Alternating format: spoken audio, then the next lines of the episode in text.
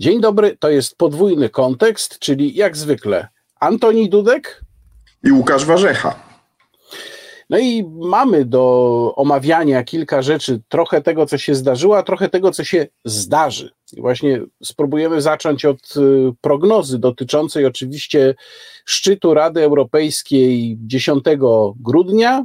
E, I od razu powiem, że tu są dwa ważne zagadnienia, a w Polsce się mówi o jednym. Chciałbym, żebyśmy też przez chwilę chociaż pomówili o tym drugim, czy wspomnieli przynajmniej o tym drugim, bo jedna rzecz to jest oczywiście kwestia powiązania funduszy europejskich z praworządnością i tego, jak Polska tutaj ostatecznie, Polska i Węgry, jak ostatecznie tutaj mm, zadziałają, ale zapomina się, i to pozostaje w tle, o drugiej sprawie, moim zdaniem wcale nie mniej ważnej, jak być może nawet nieważniejszej, czyli o tym, że ma być również podjęta dyskusja o kolejnym podniesieniu celów dotyczących polityki klimatycznej e, na tym szczycie. Oczywiście tam nie musi zapaść rozstrzygnięcie, ale to już jest nie wiem który, bo straciłem rachubę, próg e, podnoszący te cele o kolejne jeszcze procenty redukcji CO2, no co oczywiście uderza w Polskę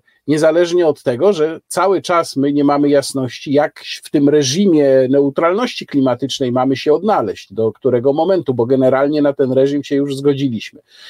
Więc y, jest jeszcze ta druga sprawa, a co do pierwszej sprawy, y, to mm, ja bym chciał tu zauważyć taką rzecz, że w zasadzie na razie przynajmniej cała nasza strategia, jeżeli jakaś jest, bo to też trudno ją odtworzyć trochę, opiera się na tym, że są dwa kraje, które na pewno tego nie chcą, ale być może w tle są jeszcze inne kraje, które takiego powiązania sobie nie życzą, tylko jak to w Unii Europejskiej często bywa, tego, który najgłośniej krzyczy, wypycha się do przodu, żeby on wziął na siebie całe odium i żeby on zapoczątkował protest przeciwko jakiemuś rozwiązaniu, a pozostali tam siedzą cicho z tyłu, no i patrzą, uda się, nie uda się, w razie czego wezmą stronę zwycięzcy. Oczywiście popierają, ale powiedziałbym, jest to po, poparcie bezobjawowe.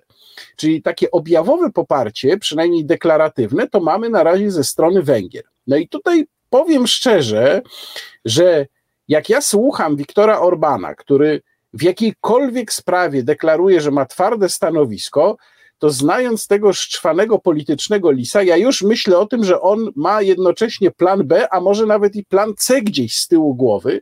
I jak tutaj nie będzie wychodzić, to on natychmiast zrobi woltę, no i się okaże, że co prawda. Co prawda Lędziel, Modzior, Ketio, Borat, prawda? Polak, Węgier, dwa bratanki, ale no, czasem trzeba pomyśleć o własnym interesie. No tak było przy wyborze Donalda Tuska na drugą kadencję przewodniczącego Rady Europejskiej, prawda? Kiedy też nas podobno Węgrzy popierali do ostatniej chwili, ale jak przyszło do głosowania, to już nas nie poparli. No właśnie, więc y, co może się wydarzyć? No, mm, ja uważam, że właściwie każde rozwiązanie, prawie każde rozwiązanie jest złe. Znaczy, najlepsze byłoby takie, tak ja bym sądził, w tej sytuacji, w jakiej już jesteśmy, gdyby został wypracowany jakiś rodzaj kompromisu polegającego na maksymalnym możliwym zawężeniu tych kryteriów praworządności do takiej postaci, żeby one były niewiele szersze niż to, co, na co myśmy się zgodzili w lipcu, bo wtedy no, można to było jeszcze interpretować tak, że chodzi w zasadzie wyłącznie o sprawdzenie, czy system sądowniczy danego państwa daje gwarancję właściwego orzekania co do wydawania unijnych pieniędzy. No, powiedzmy, że to jest do zaakceptowania, czy byłoby do zaakceptowania dla rządu Mateusza Morawieckiego. Natomiast y, pójście szerzej jak już mówiłem zresztą w podwójnym kontekście poprzednim, moim zdaniem niesie bardzo duże ryzyko ze sobą, no ale z kolei, jeżeli postawimy sprawę na ostrzu noża i naprawdę tych pieniędzy, z, zwłaszcza z funduszu mm, odbudowy nie będzie, no to sam Morawiecki się kompromituje, bo przecież te pieniądze obiecywał. Mało tego, mamy wtedy absolutną pewność, że zostaniemy dociśnięci jeszcze większą liczbą podatków nowych, to i tak już od stycznia wchodzą kolejne opłaty, ale przecież wiadomo, że no to jest brak części pieniędzy. Przypominam, część pieniędzy z Funduszu Odbudowy to są kredyty, ale część jest bezzwrotna. więc trzeba będzie skądś te pieniądze na rozruszanie gospodarki i ratowanie biznesów, jeżeli w ogóle ktoś będzie je chciał ratować, trzeba będzie mm, wziąć. No ale z kolei, jeżeli będzie zgoda, nawet moim zdaniem, na jakieś kompromisowe rozwiązanie, no to oczywiście do natarcia natychmiast ruszy e, Zbigniew Ziobro. I wszystko to, ja wiem, że już o tym mówiłem, chyba nawet dwa czy trzy razy w podwójnym kontekście, ale wszystko to prowadzi mnie jakoś nieuchronnie do wniosku końcowego, że czas Mateusza Morawieckiego zbliża się do końca, że ostatecznym rozwiązaniem problemów, jakie by tutaj nie było, jaki by tu nie był wynik tego szczytu, będzie to, że no trzeba będzie tego Morawieckiego w końcu poświęcić. Nie wiem, czy też masz takie hmm. odczucie. No dobrze, to ja zacznę od końca, od mie miejsca, w którym ty skończyłeś. Być może tak będzie. Ja też nie wykluczam, że e, może zostać podjęta próba zmiany premiera, ale pamiętaj, że jakby paradoksalnie to, o czym na końcu powiedziałeś, sytuacja, w której rzeczywiście e, realizuje się ten najbardziej czarny scenariusz, to znaczy Polska zostaje wykluczona z funduszu odbudowy, to powoduje oczywiście kryzys wewnątrz obozu rządzącego, tyle tylko, że skutkiem tego kryzysu może być na przykład e, to, że Morawieckiego się paradoksalnie nie da wymienić, bo bo żeby wymienić premiera, trzeba mieć po prostu bezwzględną większość w Sejmie. I teraz trudno powiedzieć, czy nie będzie sekwencji wydarzeń takiej oto, że najpierw zabraknie tej większości i cóż z tego, że później będzie się chciało ukarać Morawieckiego za to, że tak źle te sprawy europejskie prowadził, skoro już nie będzie większości, żeby go kimś innym zastąpić. I on będzie trwał jako premier mniejszościowego rządu. Taki scenariusz też jest możliwy, chociaż ja podejrzewam osobiście, że e, e, rząd mniejszościowy będziemy oczywiście w Polsce mieli, e, natomiast jeszcze nie w związku z tymi sprawami, nie w związku z e, europejskimi, tylko raczej z problemami roku przyszłego gospodarczymi, z którymi oczywiście ta sprawa się wiąże. Natomiast co do samej kwestii e, e, tej, tej negocjacji, tego, tej groźby weta, to ja jednak obstawiam ciągle na to, że dojdzie do kompromisu. Wprawdzie e, po tej wypowiedzi premiera z tego tygodnia, kiedy on właściwie mówił, że bez funduszu odbudowy też sobie damy radę, co jest pewną nowością, bo dotąd absolutnie takich sygnałów nie było, można to odebrać jako. A, próbę... Przepraszam, przepraszam, przepraszam, Antoni, przepraszam, tu muszę ci wejść w słowo, bo to nie do końca tak wyglądało, jak ty powiedziałeś. To była taka bardzo ciekawa sytuacja, bo stało dwóch premierów obok siebie i to Orban powiedział, nam te pieniądze nie są potrzebne, a Morawiecki tak, ale... tam postał i tak no... Tak, ale właśnie, nie, nie, to zgoda, ale to nie, to mówię o innej wypowiedzi. Ta masz rację, tak brzmiała to Orban to powiedział jako pierwszy. Natomiast y, y, w tym tygodniu miało miejsce spotkanie premiera Morawieckiego z internautami i w czasie tego spotkania premier Morawiecki powiedział, że oczywiście będziemy walczyć o to, no ale nie za wszelką cenę, żeby dostać te pieniądze z tego funduszu, bo w końcu nawet bez niego damy sobie radę i powiedział tak, że to nie jest tak, że nie, nie da się budować mostów czy dróg y, bez tych pieniędzy. Będziemy dalej budować i później jeszcze powiedział, że pieniądze można w ogóle też pożyczyć na wolnym rynku. Więc e, e, to było, to było bardzo wyraźne dane do zrozumienia opinii publicznej, że to nie jest koniec świata. Więc z jakiegoś powodu ten sygnał został wypuszczony. Zresztą równolegle coś podobnego powiedział wicemarszałek Terlecki, też dając do zrozumienia, no, że oczywiste jest, że oni muszą nam prawda, ustąpić, bo przecież gdybyśmy my wyszli z Unii, no to, to, to byłaby katastrofa. Unii nie stać na, na kolejny e, exit prawda? To znaczy marszałek Morawiecki jest tutaj, znaczy marszałek y, y, y, Terlecki jest dla mnie mniej wiarygodny, ale to, co powiedział premier Morawiecki jest, jest istotnym sygnałem. Niemniej jednak, mimo tego sygnału, ja, ja ciągle uważam, że tam będzie próba dogadania się więcej w taki sposób, jak powiedziałeś, to znaczy do tego, do tego rozporządzenia zostanie dopisany aneks, i teraz albo po prostu tam zostanie stworzona taka procedura oceny, y, y, która będzie na przykład większością kwalifikowaną, czyli będzie to można tak jak artykuł 7 tam zablokować określoną liczbą głosów, albo po prostu to będzie jeszcze większy sukces Warszawy, y, y, to zostanie tak doprecyzowane, owa praworządność, że z tego w praktyce nic już nie będzie wynikało. Zostanie kolejny martwy punkt, y, dokument. Unia Europejska jest pełna takich martwych dokumentów, w których zawsze mi się przypomina tak zwana strategia lizbońska sprzed lat, gdzie mówiono, że celem Unii tam do 2000 któregoś roku jest osiągnięcie najbardziej innowacyjnej gospodarki na świecie prawda? No i to się okazało oczywiście fikcją kompletną, więc takich celów było i w tym kontekście też to, o czym druga rzecz, o której mówiłeś, czyli kwestia rzeczywiście, która być też poruszana na szczycie, czyli kwestia zaostrzenia polityki klimatycznej. Otóż ja mam wrażenie, że oczywiście tam takie próby są podejmowane, natomiast no, im bardziej się te wskaźniki przykręca, ciągnie w górę, tym bardziej one mogą się okazać nierealne i nie tylko w wykonaniu Polski, bo oczywiście Polska jest tutaj w najtrudniejszej sytuacji, bo ma energetykę najmocniej na węglu opartą, ale to nie jest tak, że w innych krajach też tego problemu nie ma i może się okazać, że to, że to będzie znowu takie działanie na pokaz, że my tu śrubujemy te wskaźniki, ale, ale one nie będą realnie y, po prostu wykonywane, więc tym bym się tak bardzo nie przejmował. Y, to, co jest na pewno istotne, to to, jak zostanie przedstawiona ta sprawa tego kompromisu, y, który ja ciągle uważam, że on nastąpi w ob, w, po obu stronach, bo ja mam podejrzenie, że po obu stronach to będzie przedstawione jako sukces. Znaczy w Warszawie ogłosi się, że Berlin i Bruksela skapitulowały, a w Brukseli uznają, no właśnie mamy nowy mechanizm kontroli i obie strony będą zadowolone. Ja oczywiście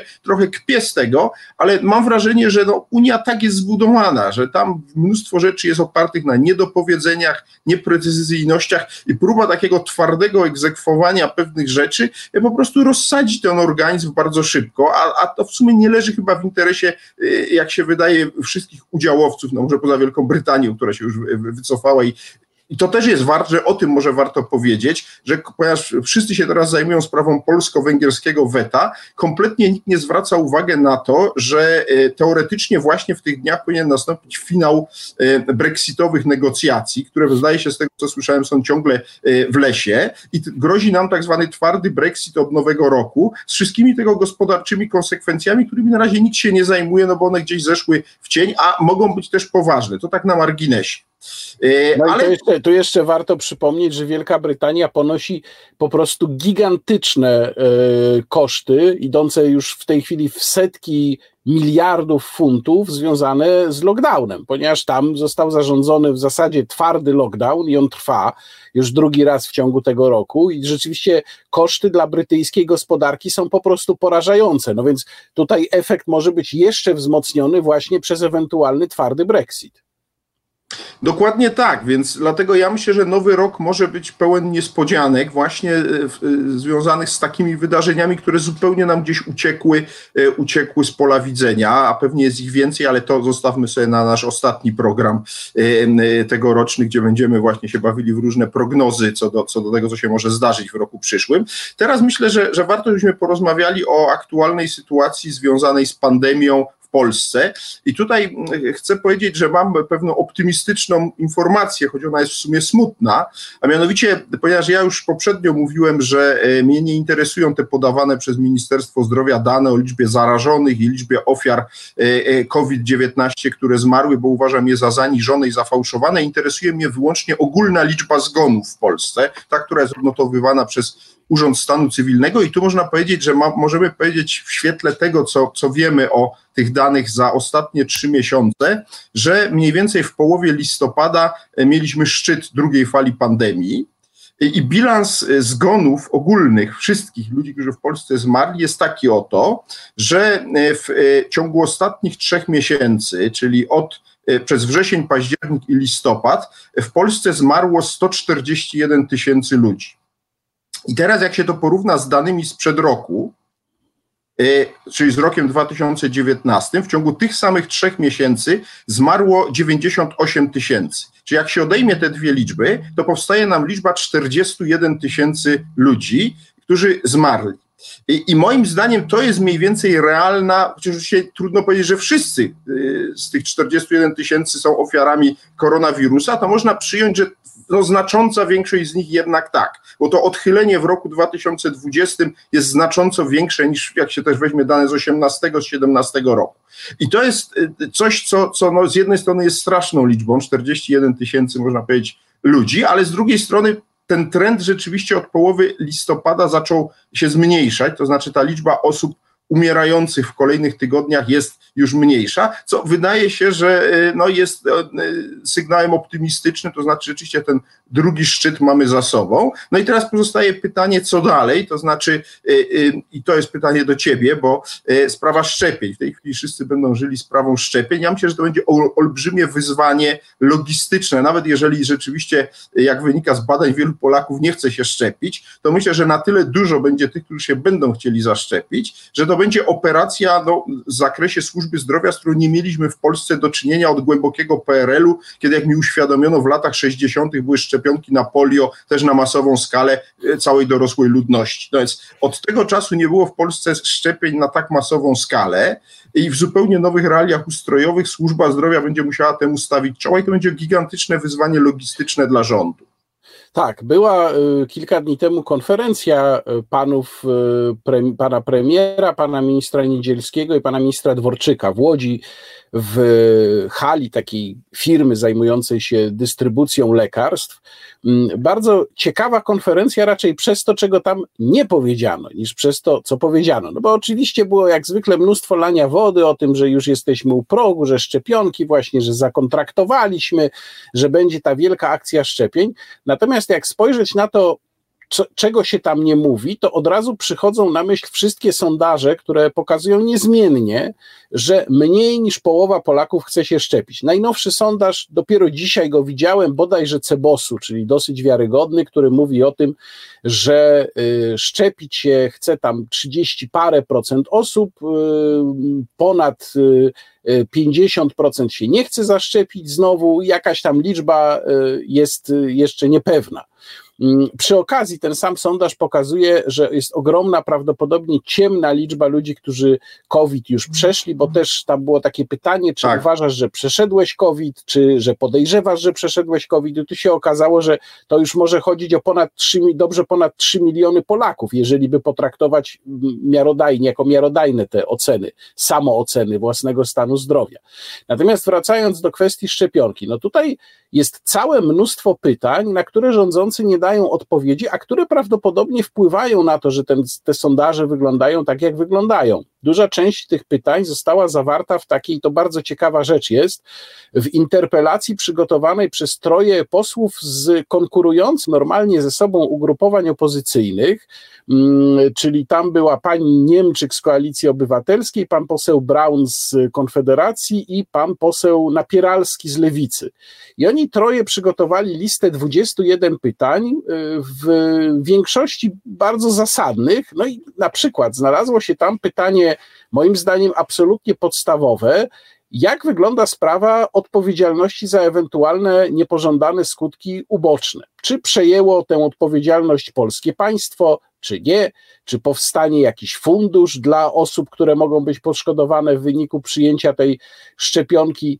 O tym nie dowiadujemy się od rządzących kompletnie nic, mimo że są przesłanki, żeby takie pytania zadawać, bardzo konkretne. Ja w swoim tekście na Onecie przywołałem wypowiedź z lipca członka zarządu AstraZeneca, to jest jedna z firm, których szczepionkę Polska zakontraktowała, który powiedział: My z większością państw zawieramy umowy indemnizacyjne, czyli o przejęciu przez państwa odpowiedzialności, bo jako firma po prostu nie możemy ryzykować, przygotowując szczepionkę w tak szybkim tempie, że tam za 4 lata wyjdą jakieś niepożądane efekty i my zapłacimy. To też je cytuję niemalże dosłownie słowa tego pana e, z zarządu AstraZeneca. No, jeżeli takie deklaracje się pojawiają w zasadzie zupełnie otwartym tekstem, no to wydawałoby się, że ta kwestia jest ważna.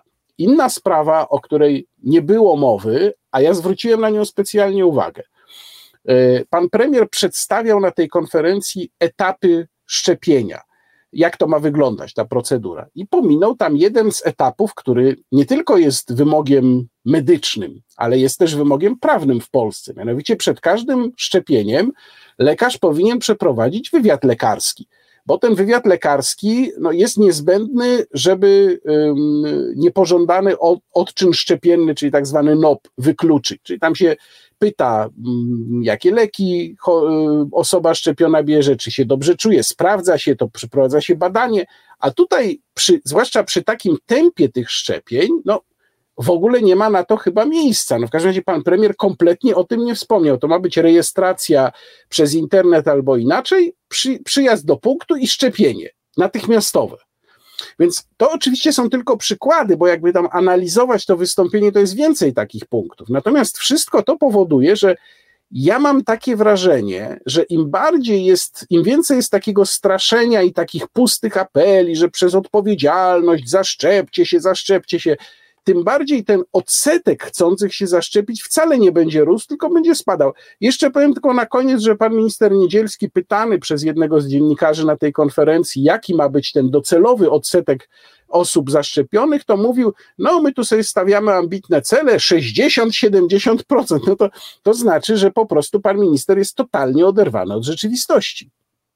Ha, no zobaczymy. Ja podejrzewam, że będzie jednak e, e, w mediach dominowały apele o to, żeby się szczepić, natomiast ja podejrzewam, że bardzo wielu ludzi może się zniechęcić po prostu, kiedy się okaże, że ta procedura samego zaszczepiania się jest po prostu e, niezwykle źle zorganizowana i trzeba czekać wiele godzin na przykład, żeby się zaszczepić, bo jak mówię, to jest gigantyczne logistyczne wyzwanie i, i rzeczywiście zgadzam się, że rząd ma ogromne problemy z tym, tym zagadnieniem, no bo jeżeli padają na przykład, e, e, kiedy się mówi, ile właściwie cała ta operacja będzie kosztowała i e, pada kwota między 5 a 10 miliardów, no to rozrzut jest rzeczywiście olbrzymi. Ja się nie domagam oczywiście dokładności, dokładnego kosztu tej operacji co do złotówki, ani nawet z dokładnością do 5 czy 50 milionów, no ale rozrzut między 5 a 10 miliardów jest rzeczywiście gigantyczny i to pokazuje, jak to wszystko jest w tej chwili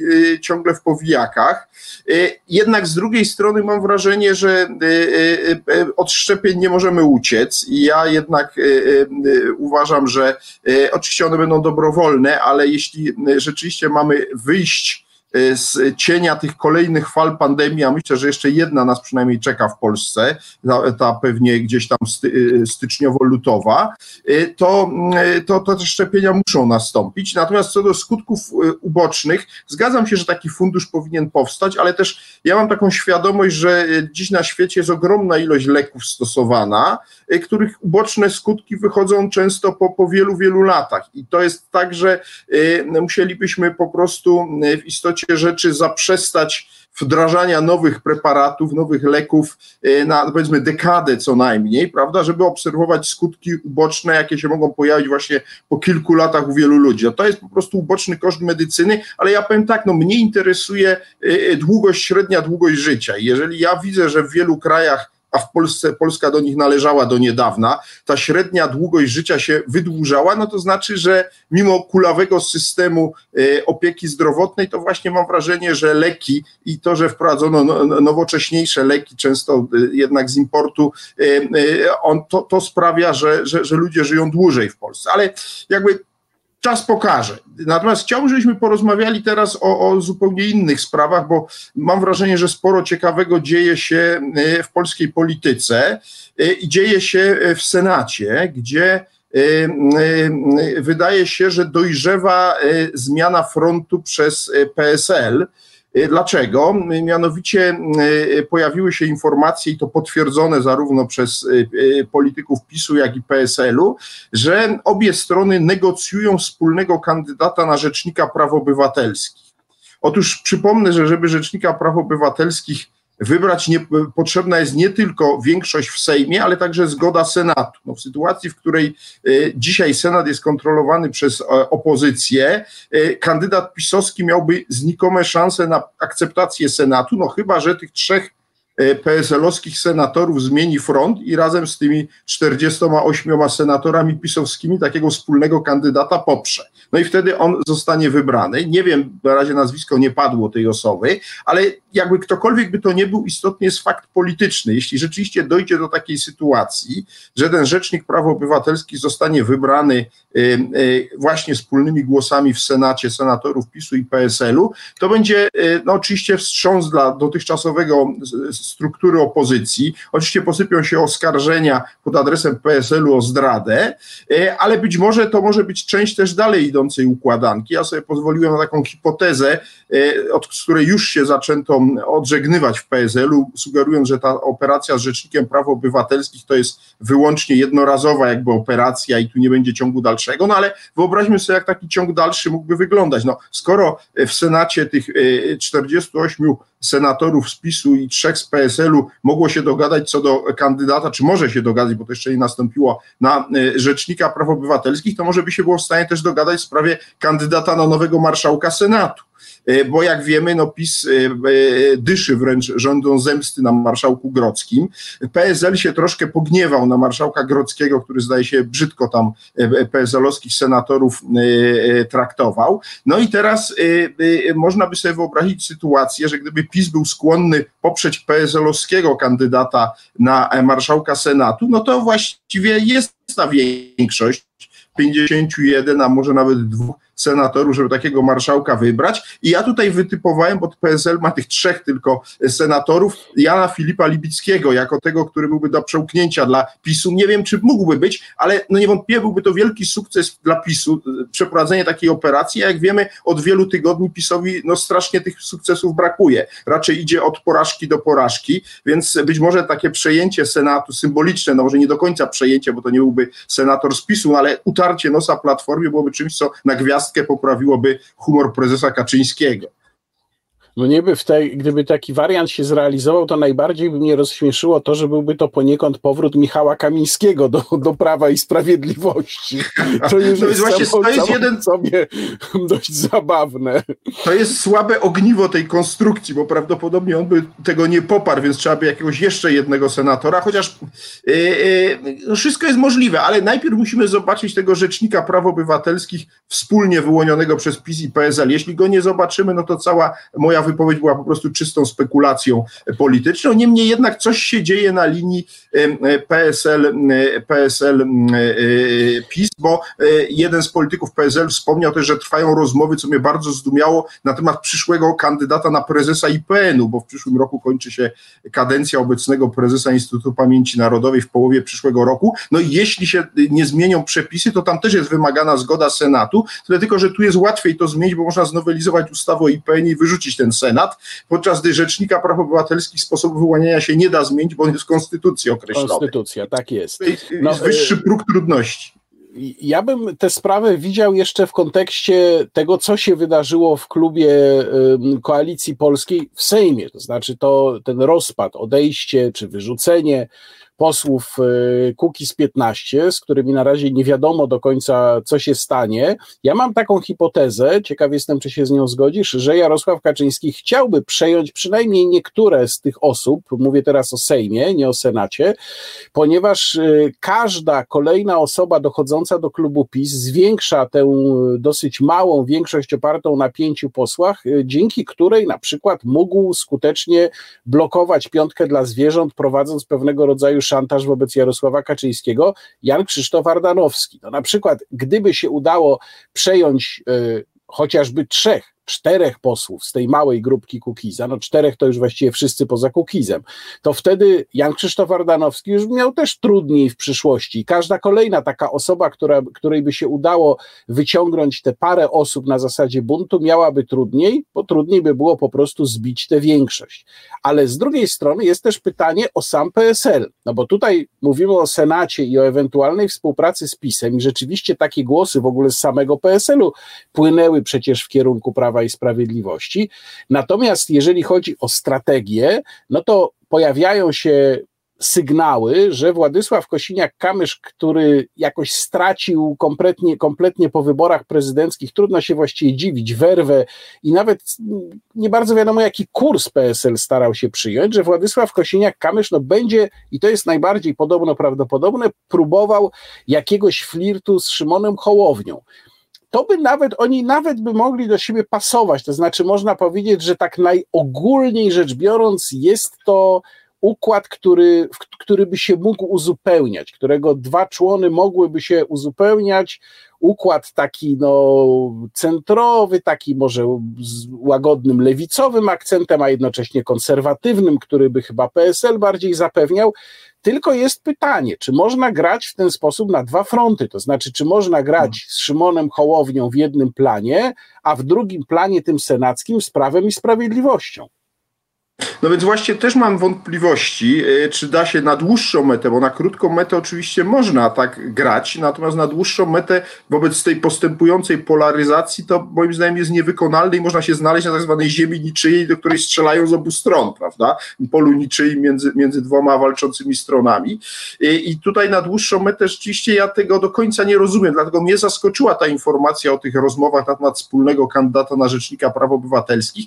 Niemniej jednak w PSL zawsze zawsze próbował grać na dwie strony, ale też prawda jest taka, że wielokrotnie odrzucał e, e, awanse ze strony PiSu, także latem tego roku, e, kiedy prawdopodobnie prezes Kaczyński sądował możliwość zastąpienia właśnie Solidarnej Polski Zbigniewa Ziobry, który już od lata zaczął no, licytować coraz wyżej i żądać różnych rzeczy od prezesa Kaczyńskiego, czy by się go nie dało zastąpić PSL-em, wtedy ten sondaż wypadł negatywnie, co prezes Kaczyński przyznał publicznie w wywiadzie, więc więc to jest jakby informacja pewna, że, że takie rozmowy miały miejsce. I teraz mam wrażenie, że mamy jakąś powtórkę z tego, natomiast y, na dłuższą metę, moim zdaniem, to jest rzeczywiście dla PSL-u samobójcza strategia, w przeciwieństwie do strategii y, jakiegoś związku z ruchem Hołowni, bo tu rzeczywiście te dwa nurty by się uzupełniały ze sobą. Y, jest pytanie tylko, czy, no najkrócej mówiąc, Kośniak-Kamysz byłby skłonny ustąpić Hołowni miejsca lidera. Raczej tu nie, zatem nie wchodzi w grę jest to mało prawdopodobne, więc nie wchodzi w grę tu raczej jakaś zjednoczenie ruchu Polska 250 z PSL-em, ale na przykład stworzenie jakiejś nowej koalicji właśnie e, z Hołownią w miejsce Kukiza, to wydaje mi się bardzo prawdopodobne, bo to by PSL-owi dało szansę na przekroczenie progu wyborczego e, e, przy najbliższych wyborach parlamentarnych, co znowu dla PSL-u będzie problemem, bo niewątpliwie uważam, że PSL-owi udało się przekroczyć próg w zeszłym roku dzięki Kukizowi. On nie dołożył wiele, dołożył może półtora, może dwa procent, ale to było to, to, to coś, czego PSL potrzebował, bez czego progu by nie przekroczył, więc będzie potrzebował znowu jakiegoś takiego e, koła napędowego silniejszego, no bo Hołownia jest dużo popularniejszy. Natomiast co do tych posłów Kukiza, no to jest oczywiste, że, że prezes Kaczyński będzie zbierał ten plankton, bo tak go można nazwać, sejmowy i próbował przyciągać do siebie, tyle tylko, że to będzie moim zdaniem coraz trudniejsze, dlatego że e, e, jak już to powtórzę, to co ja z kolei wielokrotnie mówiłem już w czasie tych e, naszych spotkań, naszych rozmów, że rządzenie Polską będzie teraz dramatycznie trudniejsze, rząd będzie musiał musiał stale podejmować niezwykle trudne, kontrowersyjne decyzje, a to nie będzie z kolei sprzyjało popularności no, y, sondażowej PiSu, co zresztą widać. Wprawdzie y, ten spadek się zatrzymał gdzieś na progu 30%, no ale gdyby to się miało utrzymać, to dla PiSu to jest straszna wiadomość, bo to oznacza, że nie ma już najmniejszych szans na samodzielne rządzenie. Czyli PiS tak naprawdę, jeśli chce myśleć o kontynuacji swoich samodzielnych rządów, musi znowu odbudować te mniej więcej 10% w sondażach i jeszcze liczyć na to, że, że opozycja się nie dogada i nie zbuduje wspólnej listy. To będzie niezwykle trudne i dlatego mam wrażenie, że ten proces e, no takiej nie zadyszki, ale po prostu wręcz e, e, powiedziałbym no, głębokiego głębokiego, głębokiego takiego oddechowego kryzysu PiSu będzie się, będzie się tylko nasilał, dlatego że no, ta górka jest, pod którą PiS biegnie rządząc, jest coraz bardziej stroma. Tutaj nie widać żadnego spadku terenu, tylko raczej widać, że ta góra jest coraz bardziej stroma. I to, to jest podstawowy problem dla Prawa i Sprawiedliwości, dla prezesa Kaczyńskiego. No i oczywiście tutaj w tym kontekście dla mnie szalenie ciekawe jest uchwalenie budżetu na przyszły rok. Najciekawsze głosowanie, jakie nas w Sejmie czeka chyba jeszcze w tym roku, czyli czyli w grudniu to będzie głosowanie nad budżetem e, państwa na rok 2021, bo wtedy no, rząd będzie musiał nieco więcej prawdy powiedzieć, wspominałeś o tych nowych podatkach, no będzie musiał ujawnić całość, że tak powiem, obrazu finansów publicznych, które nas czekają w przyszłym roku, a tutaj no, nie, myślę, że już nie, nie ma się co łudzić, że, e, że, że zaciśnięcie pasa jest nieuchronne i to będzie proces bolesny, choć e, podejrzewam, że może się na tym budżecie nie skończyć, że może być potrzebna jego nowelizacja w przyszłym roku, no bo tak naprawdę naprawdę ciągle jesteśmy w fazie tego pandemicznego kryzysu gospodarczego i jego koszty są ciągle niepoliczalne, tak jak się już tą liczbę zgonów też nie do końca, ale już jakoś dało policzyć tej drugiej fali pandemii, to nie da się policzyć kosztów gospodarczych, które się właśnie dokonują na naszych oczach. I zawsze w takich sytuacjach przypomina mi się ta stara, już sprzed kilkunastu lat, fraza Donalda Tuska. Niestety okazała się prorocza. Uważajcie Państwo, bo teraz naprawdę poważna załoga zabiera się za Wasze portfele. No, to oczywiście Donald Tusk powiedział w zupełnie innych okolicznościach.